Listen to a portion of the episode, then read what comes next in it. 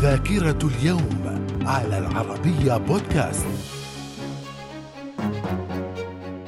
أهلا بكم في ذاكرة اليوم التاسع والعشرين من يوليو.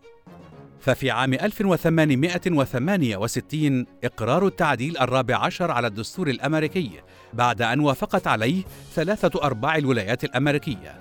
ويضمن هذا التعديل حقوق المواطنة للأمريكيين الأفارقة ويمنحهم كل الحقوق والامتيازات التي يتمتع بها أي مواطن أمريكي. من الذاكرة. في عام 1937 تتويج الملك فاروق ملكا على عرش مصر رسميا وذلك بعد وصوله لسن الرشد. في عام 1981 ولي العهد البريطاني أمير تشارلز يتزوج من ديانا سبنسر في حفل زواج مهيب.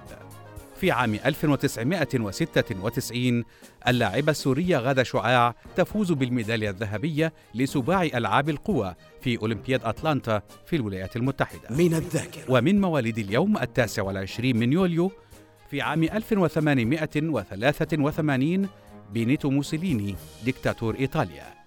في عام 1981 فرناندو ألونسو بطل سباقات فورمولا 1 إسباني الجنسية من الذاكرة. ومن وفيات اليوم في عام 1184 سعد الدين بن شبيب شاعر عراقي.